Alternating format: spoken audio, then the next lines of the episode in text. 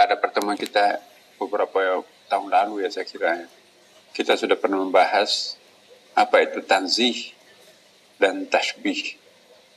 Tanzih ialah menekankan aspek ketak terbandingan Allah dengan siapa pun. Distinctiveness-nya Allah yang ditekankan. Ya, Allah Maha Agung, Allah Maha Hebat, Allah Maha Tinggi, ya Allah Maha Suci. Pokoknya nggak ada yang bisa membandingkan dia sebagai sosok figur yang maha serba luar biasa. Nah sedangkan kalau ia akan nasta'in itu ditekankan aspek keserupaan, similaritinya Allah subhanahu wa ta'ala. Inilah yang kita kenal sebagai tasbih antara Tuhan dengan hamba. Jadi tasbih bukan tasbih. Tasbih itu uh, pensucian, kalau tasbih itu keserupaan. Mutasyabih ya. Saya ingin memberikan elaborasi sedikit tentang apa yang dimaksud tanzih dan tasbih ini. Satu sisi Allah itu tanzih, tak terbandingkan. Tapi pada sisi lain itu adalah tasbih, mempunyai keserupaan dengan kita. Nah inilah buktinya Allah itu maha mutlak. Ya, maha mutlak karena bisa seperti apa pun yang dia mau pada dirinya sendiri. Tidak bisa kita membatasi Allah. Hai hey, ya Allah, tentu kamu tidak bisa seperti kami. Kami kan adalah makhluk. Itu artinya Allah tidak mutlak lagi. Tapi juga sebaliknya kita tidak bisa sebagai seorang hamba seenak-enaknya mau menyerupai Tuhan padahal Tuhan itu adalah maha segalanya. Jadi ada wilayah tanzihnya Allah, ada wilayah tasbihnya Allah. Di dalam teologi nanti ada kelompok aliran itu lebih menekankan tanzihnya Allah. Misalnya ulama fikih, para teolog selalu menyerupai apa selalu me, mensucikan Allah dalam arti tidak boleh dibandingkan Allah. Pokoknya Allah bersemayam di aras, nggak ada kaitannya dengan kita semuanya di sini. Tapi nanti kita akan melihat justru tasawuf itu cenderung menekankan aspek tasbihnya, keserupaan. Karena kita ini adalah siapa sih sebetulnya? We are from the God. Innalillah wa inna ilaihi rajiun. Jadi kalau kita berasal dari Allah Subhanahu wa taala, mestikah harus terpisah? Mestikah harus selalu berbeda? Mestikah tidak boleh dikaitkan dengan Allah? Kalau kita berasal dari Allah. Justru karena tasbih itu adanya keserupaan antara cermin dengan orang yang berdiri di depan cermin. Ya, itu tidak bisa dipisahkan. Persis gambaran yang di cermin itu adalah sosok yang berdiri di depan cermin. Nah, ini ada implikasi teologisnya. Dengan menekankan aspek keserupaan kita dengan Allah, maka Tuhan itu akan tampil maha pencinta, maha pengasih, maha penyayang. Tapi kalau kita menekankan aspek pensuciannya Allah, kesuciannya, tanzihnya Allah, waduh Allah Akbar, Allah Maha segala-galanya. Kita ini hamba dan Allah itu adalah uh, Tuhan yang Maha Kuasa. Raja di raja di atasannya itu. Pokoknya kita itu nyalinya kita terus kecil di hadapan Allah. Dan Allah itu harus ditakuti karena dia adalah Maha Kuasa kan. Tapi kalau tasbih tidak Memang Allah Maha Kuasa, tapi kita juga diberikan kekuatan untuk lebih dekat dengannya. Karena kita ini adalah khalifahnya, representatifnya. Kita diciptakan dengan kedua tangan Tuhan, halak tu. Berarti unsur-unsur keserupaannya itu dengan kita itu ada karena memang kita ini bukan siapa-siapa. Kita tidak lain adalah sosok figur yang berasal dari dirinya sendiri. Apakah sosok yang berasal dari dirinya tidak memiliki kesamaan, keserupaan, kedekatan dengannya. Nah, ini adalah perdebatan yang sangat panjang di kalangan teologi. Tapi kita tidak akan habis waktu di sini, karena kita akan bahas selanjutnya. Ta'abud terkait ta'abud terkait dengan interaksi positif antara abid atau hamba dengan ma'bud yang disembah. Ya. Dan ibadah cara penyembahan jadi ada ada abid, ada ma'bud, ada ibadah. Nah, itu ide. Abid ialah orang yang bersungguh-sungguh bermaksud untuk mendekatkan diri kepada Allah Subhanahu wa taala. Itu disebut dengan abid. Iya. Tapi hati-hati, di dalam bahasa Arab itu, di dalam Al-Quran itu ada sama-sama terjemah bahasa Indonesia-nya itu, tetapi konotasinya berbeda. Wala ana abidum ma'abatum.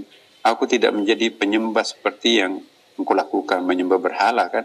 Jadi kalau abidon, ini yang panjang, menyembah berhala. Kalau abidon, huruf banyak yang panjang, itu selain menyembah berhala, menyembah juga Tuhan. Jadi musyrik. Kalau ibadon itu hamba, memang hanya menyembah Allah Subhanahu wa taala. Sama dengan abdon, hambanya Allah sendiri. Sedangkan ma'bud itu tidak lain ialah Allah Subhanahu wa taala yang disembah. Jadi al-abid wal ma'budu uh, different, beda. Hamba ya hamba, Tuhan ya Tuhan. Tapi dalam tasawuf itu, apalagi kalau sudah sampai level itihad, ya wahdatul wujud, udah. Memang dia yang ada kok. Kita ini gak ada. Kita ini hanya keberadaan kamu pelatif ya. Kita itu adalah maya. Maya itu artinya antara ada dan tiada. Maya itu punya kekhususan ya kan. Jadi kita itu sebetulnya nothing. Yang ada hanya Allah. Itu dalam pandangan teosofi itu yang pernah kita bahas minggu lalu kan. Nah, ibadah ialah tata cara yang mengatur hubungan interaktif antara manusia dengan uh, sebagai abid dan Tuhan sebagai ma'bud. Nah, caranya seperti apa ya? Kita ada rukun Islam, itu cara beribadah kepada Allah. Nah, tetapi apa itu fungsinya semuanya? Inilah Qul in kuntum tuhibbunallaha fattabi'uni yuhibbukumullah wa yaghfir lakum dzunubakum wallahu ghafurur rahim. Katakanlah Muhammad jika kalian benar-benar mencintai Allah, ikutilah aku, niscaya Allah itu mengasihi dan mengampuni dosa-dosamu. Allah maha pengampun, lagi maha penyayang. Minggu lalu ingat Bapak Ibu, saya sudah jelaskan ini, bahwa redaksi yang digunakan Allah di sini ialah in kuntum tuhibbun Allah. Bukan dikatakan in tuhibbun Allah. Kalau in tuhibbun Allah itu masih proses untuk to becoming. Jika kalian mencintai Allah. Tapi kalau in kuntum, ya, Kuntum itu kita sebagai subjek penciptaan sejati. Jadi sudah menjadi being, not becoming. Wah, itu dalam tuh Bapak Ibu. Ya, kalau saya ilustrasikan minggu lalu ya kan, bukan lagi merokok, bukan lagi perokok, tapi sudah jadi rokok. Itu kalau kuntum tuh ya. ya atau dalam padanan lain, bukan lagi ahlu ta'ah, bukan juga ahli ibadah, tapi sudah menjadi ahlullah. Ahlullah itu in kuntum. Jadi sudah menjadi being being the lover, being the sign lover, being the divine lover. Itu namanya kuntum, bukan baru mulai berproses untuk mencinta. Jadi bukan asal, asal mencintai Allah kita minta macam-macam. Enggak. Tuhan tidak mengatakan kul in kul in Allah, tapi kul in kuntum itu fi'il madi kan sudah uh, uh, uh, if you have already, yang itu apa itu? Tensesnya present continuous tense itu kan dalam bahasa Inggris itu. Kalau memang engkau mencintai benar-benar Allah, fatabi'uni ikuti aku, kata Rasulullah. Jadi kalau mengikuti Nabi sama dengan mengikuti Rasulullah. Nah, mengikuti dengan Allah. Ya. Jadi kalau engkau mencintai Tuhan, cintailah aku, kata Rasulullah. Jadi kalau kita misalnya punya tradisi berzandi, punya tradisi, tradisi baca riwayat. Itu perintah Al-Quran loh. Kita melakukan peringatan maulid ya, seperti bulan ini kan Bapak Ibu sekalian. Kita merayakan maulid itu ya. Itu merealisasikan ayat ini loh. Kita maulid itu karena kita ungkapan cinta terhadap Allah melalui pembacaan rawi, pembacaan hikmah maulid Nabi kan. Nah itu bentuk cinta kita kepada Allah. Nah ini perintah Allah. In kuntum Allah, fattabi'uni Bagaimana bisa mengikuti Rasulullah kalau kita nggak cinta Rasulullah? Maulid ini adalah bagian upaya untuk menumbuhkan, menghidupkan rasa cinta kita kepada Allah Subhanahu wa taala. Enak.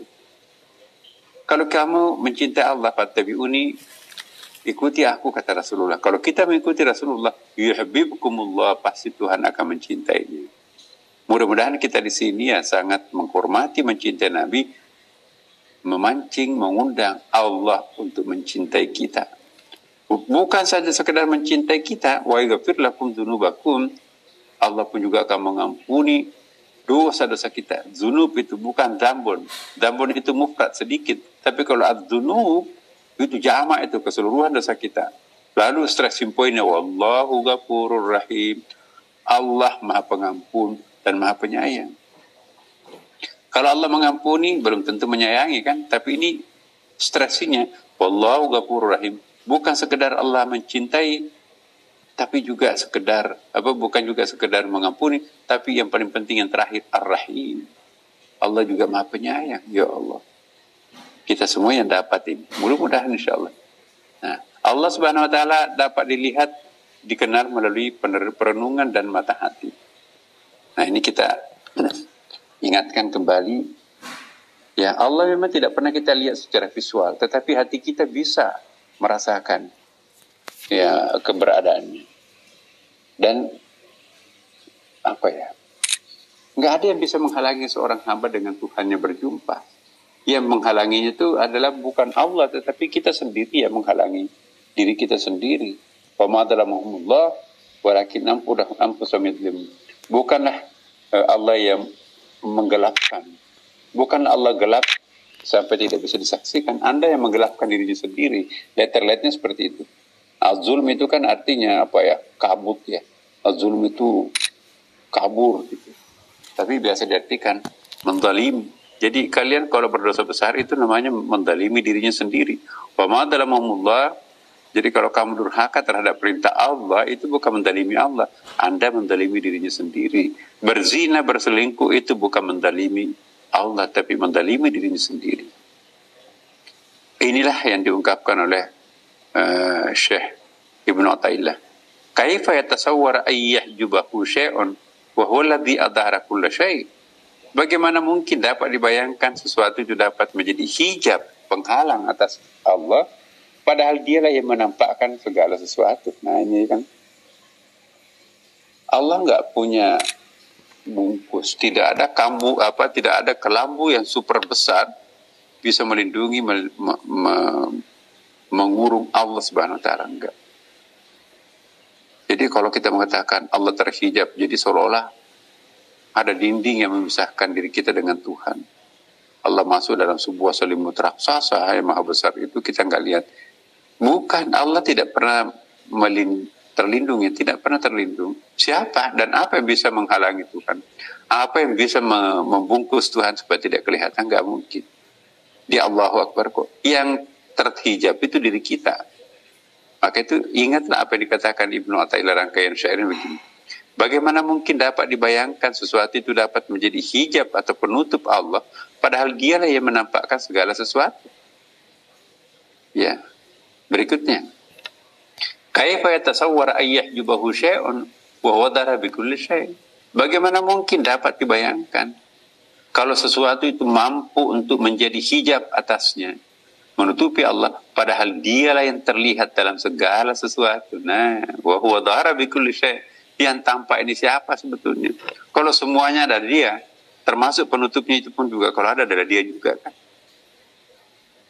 Karena wallahu muhitun ala kulli syai dia serba mencakupi meliputi segala sesuatu termasuk seandainya ada kelambu raksasa itu pun juga dia adalah dia jadi siapa yang hijab siapa yang dihijab dan siapa yang menghijab dia semuanya. Jadi kalau ada hadis yang mengatakan bahwa Allah Maha tahu bilangan semut hitam di atas batu hitam di tengah gelapnya malam, iya memang iya. Siapa yang tampil dalam bentuk semut hitam? Siapa yang tampil dalam gelapnya malam? Siapa yang tampil dalam bentuk batu hitam? Ya. Dan siapa yang tampak dalam bentuk semut hitam? Dia semuanya kan. Kalau dia semuanya, ayo, gimana? Apakah ada yang bisa mampu menghijab? Enggak ada kan. Ini yang disebut bagaimana mungkin dapat dibayangkan kalau sesuatu itu mampu untuk menjadi hijab atasnya, padahal dialah yang terlihat dalam segala sesuatu. Nah, yang kedua, kaifa yatasawwar ayah syai'un wa huwa darah kulli syai'. Bagaimana bisa dibayangkan kalau sesuatu itu mampu menjadi penghalang atasnya, padahal dialah yang maha tampak atas segala sesuatu. Dia lebih tampak daripada apa pun karena dia lah yang menampakkan sesuatu itu. Nah, ini dia. Ini hakikat ini kita bicarakan. Kaifa yatasawwaru ay yajubahu sya'nu wa dhahiru qabla wujudi kulli syai'. Bagaimana dapat dibayangkan ada sesuatu yang mampu untuk menjadi penghalang atasnya, penghijab kita dengannya. Sedangkan dialah yang maha ada sebelum adanya segala sesuatu. Bagaimana mungkin Allah bisa hilang kalau dia yang paling pertama ada dan dia sudah ada sebelum segala sesuatu itu ada. Kaifa yatasawwar ay yahjubahu syai'un wa huwa adhara min kulli syai'. Bagaimana pula bisa dibayangkan kalau sesuatu itu mampu menjadi penghalang bagi Allah sementara dia keberadaannya lebih jelas tampak daripada segala sesuatu itu sendiri. Allah lebih jelas tampaknya daripada yang lain-lain. Matahari bisa terselubungi oleh awan. Tapi siapa awan itu, siapa matahari itu, dia semuanya maka nggak mungkin ada yang bisa menutupi Allah kan. Cuma kita yang nggak ngeh siapa yang dianggap penutup itu. Itu dia. Al-wahidul ladzi laisa ma'ahu syai'un kaifa yatasawwar ayyatubahu syai'un. Nah, ini terbalik nih. Maaf, saya perbaiki dulu ini.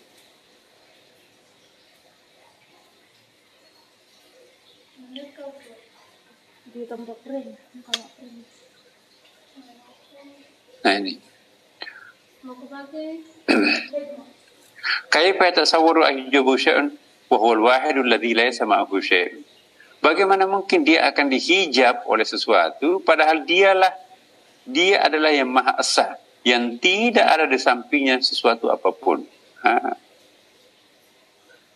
Dalam kan? Coba baca sekali lagi. Bagaimana mungkin dia akan dihijab oleh sesuatu? Padahal dia adalah yang Maha Esa, yang tidak ada di sampingnya sesuatu apa pun. Kan ada hadisnya. Ya. Inna Allah kana walam yakum ma'ahu syai' Sesungguhnya itu Allah itu ada dan tidak ada yang menemaninya apa pun, siapa pun. Jadi kalau nggak ada selain dia ya, kita ini siapa? Ya dia. Hmm. Kaifa yatasawwar ayyah jubahu syai'un wa huwa aqrabu ilaika min kulli syai'.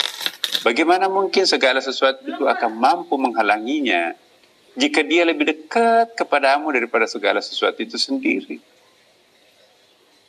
Ana aqrabu ilaihi min hablil warid kata Allah. Aku lebih dekat daripada urat leher kalian.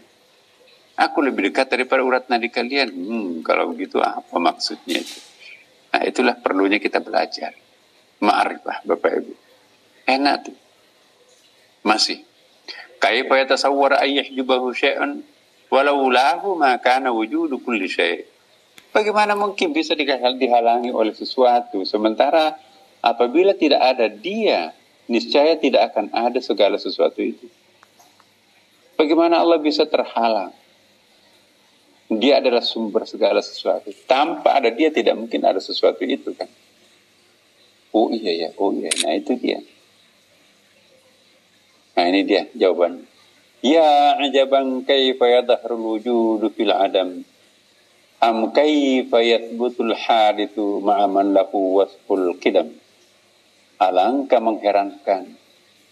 Bagaimana mungkin keberadaan sesuatu yang pasti ada yaitu Allah bisa terhalang oleh sesuatu yang sebelumnya tidak ada.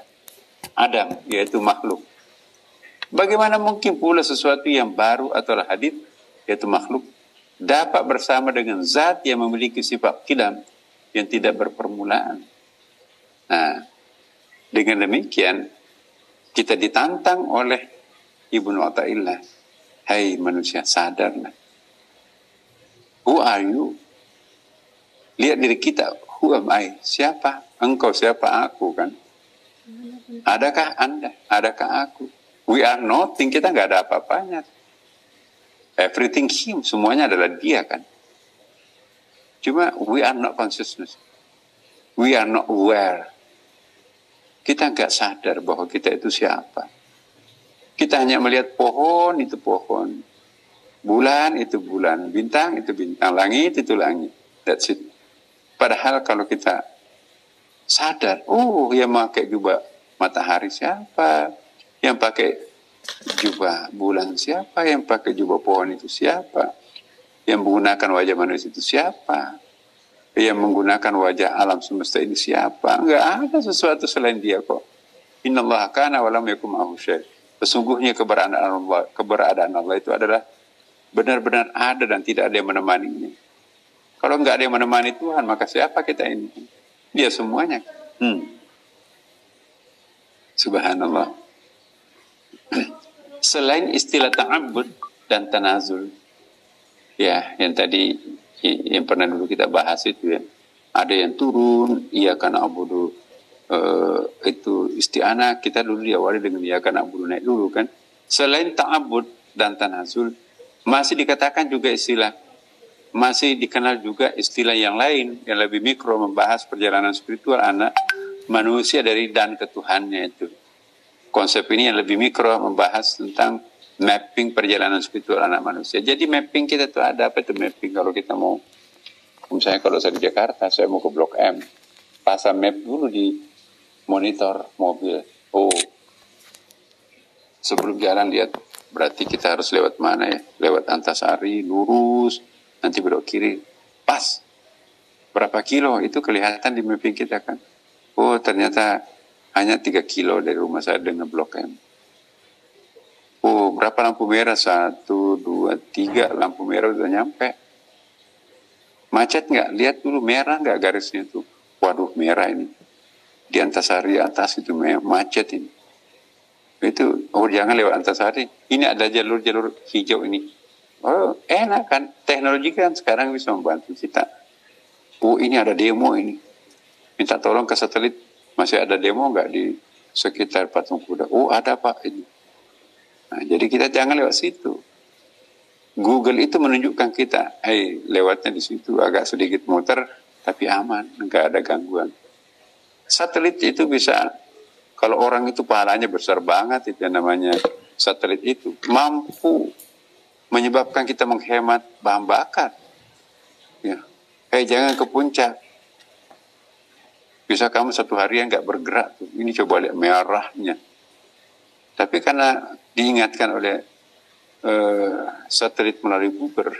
Google itu juga pahalanya luar biasa itu. Kalau orang, masya Allah, betapa orang lebih 2 miliar orang di muka bumi ini tertolong oleh Google. Google itulah yang memberikan ketentraman hidup, ya kejelasan hidup umat manusia. Yang menciptakan Google, Google itu non Muslim, bapak ibu. Jadi kita jangan terlalu pongah seolah-olah kita yang the best Ya Allah. Baru saja saya membaca itu. Salah seorang orang terkaya dunia itu Bill Gates. Mewakafkan sepertiga hartanya itu yang triliunan jumlahnya itu untuk membebaskan hak paten perpustakaan apa hak paten para penulis. Jadi sekarang kan buku-buku yang terbit, terbit terakhir itu nggak usah beli buku sekarang. Ya, itu bisa kita order melalui internet, dikirimi bukunya tanpa harus bayar dulu kan kalau mau buka bayar dulu dong. Nah sekarang nggak bisa kita bayar bisa udah dibelikan oleh Google oleh oleh oleh oleh Bill Gates itu ya. Uh, Bill Gates yang membelikan oleh-oleh kepada kita semuanya. Sehingga buku apa pun kita order bisa langsung di laptop kita, nggak usah beli buku lagi. Ya, kecuali buku-buku tua yang mungkin tidak masuk dalam listnya yang di, dibelikan, dibantukan oleh Eh, Bill Gates itu. Nah, jadi istilah yang lebih makro bisa disebutkan dalam Alkitab, dalam kitab-kitab tafsir Isyari dengan istilah as-safar al-khamsah. Nah, ini kan kita kenal as-safar arba di hari Seninan kita ya.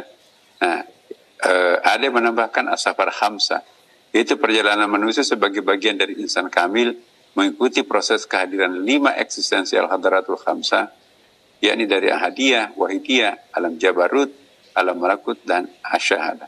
Ini kita sudah pernah bahas. Bapak Ibu sekalian, nah, jadi apa itu insan kamil? Prototipe yang akan diperjalankan Allah naik ke bumi, ya. Nanti saya tidak bahas dulu insan kamil nanti. Uh,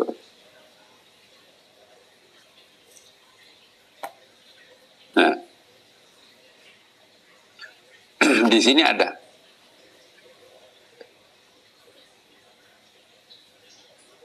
Ada dampaknya. Kenapa tidak dikatakan iya na'budu? Ya, hanya dialah yang kami sembah. Tapi iya karena abudu. Ya. Ayat ini juga tidak dikatakan seperti tadi ya. Target seorang hamba itu bukan dari persaksian nyata, ya. bukan persaksian nyata syahadah kepada ke apa kelenyapan persaksian atau gaibah. Kan ada syahadah, ada gaibah kan. Jadi hamba bukanlah dari persaksian nyata atau syahadah kepada pelenyapan atau persaksian kelenyapan persaksian gaibah. Jadi kalau syahadah itu tersaksikan, gaibah itu tidak tersaksikan.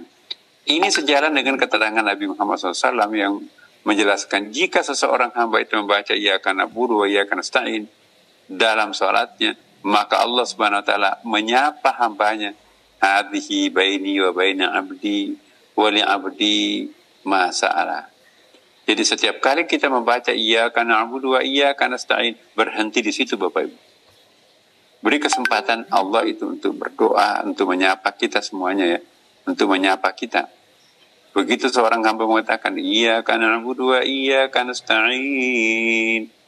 Ya, hanya engkau yang kami sembadang. Tempat kami mohon pertolongan. Langsung disahutin oleh Allah. Apa jawaban Allah? Hadhihi baini wa baina abdi wali abdi masalah ini antara aku dan hambaku. Dan untuk hambaku kepada apa yang ia minta. Jadi Allah menjanjikan apa pun yang kita akan maui tanpa kita minta sebelumnya. Kan kita belum minta belum baca idina surat al-mustaqim baru kita membaca ya karena abudu ya karena ini belum minta tapi Allah sudah memberikan.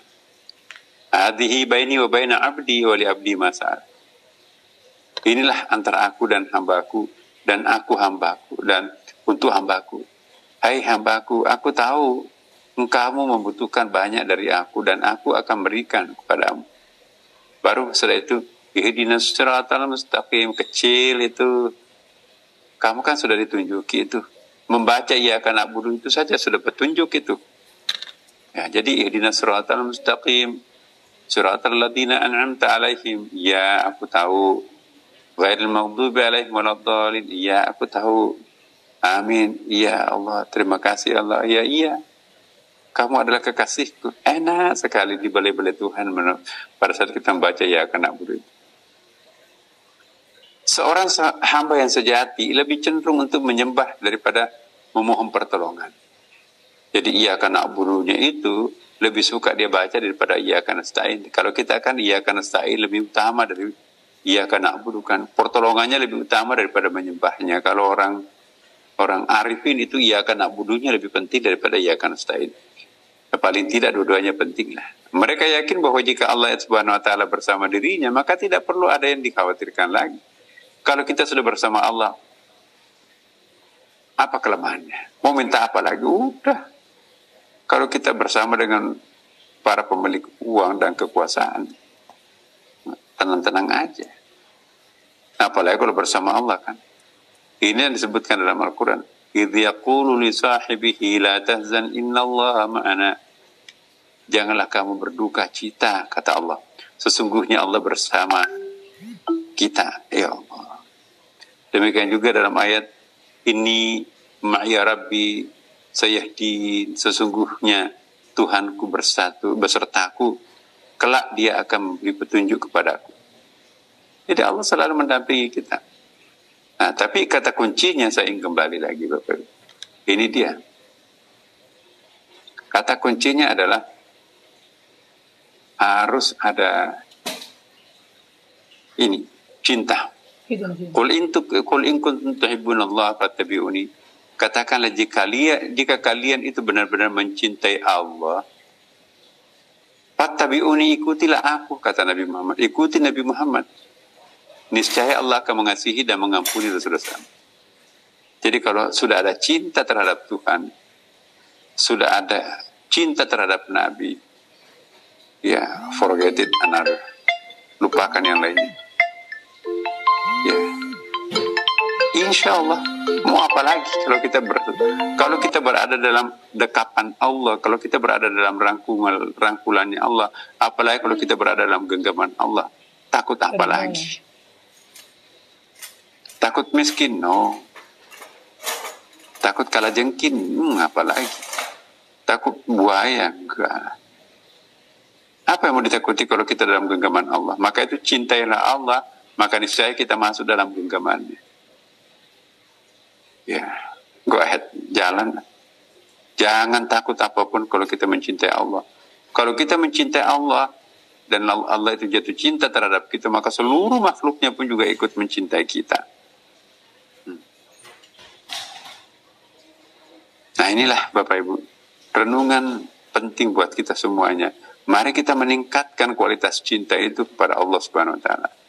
Cinta, cinta dan cinta. Kalau ini kita menjadi muslim pencinta, ya wa may yattaqillah yaj'al lahu makhraja wa yarzuqhu min haitsu la yahtasib.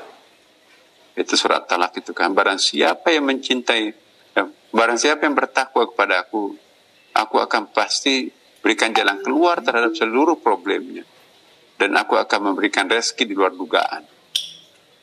Nah, tapi syaratnya in kuntum Allah. Bukan in kuntum eh bukan in Allah tapi in kuntum. Ya, harus menjadi being pencinta, being lover ya. Nah, inilah Bapak Ibu sekalian perjumpaan kita kali ini. Saya mohon maaf mungkin kesempatan ini kita belum sempat bertanya jawab ya karena kami masih ada urusan di uh, di luar kota ini sebetulnya ya. Semoga Allah meridai kita semuanya. Kita berjumpa lagi pada hari uh, besok juga bisa ya. Hari Sabtu juga bisa. Tiap hari sekarang ini Bapak Ibu. Yang penting rajin-rajin aja mengikuti zooming ada informasi kok itu di Nuh. Terima kasih Bapak Ibu sekalian. Dan sebelumnya mari kita bacakan surah Al-Fatihah.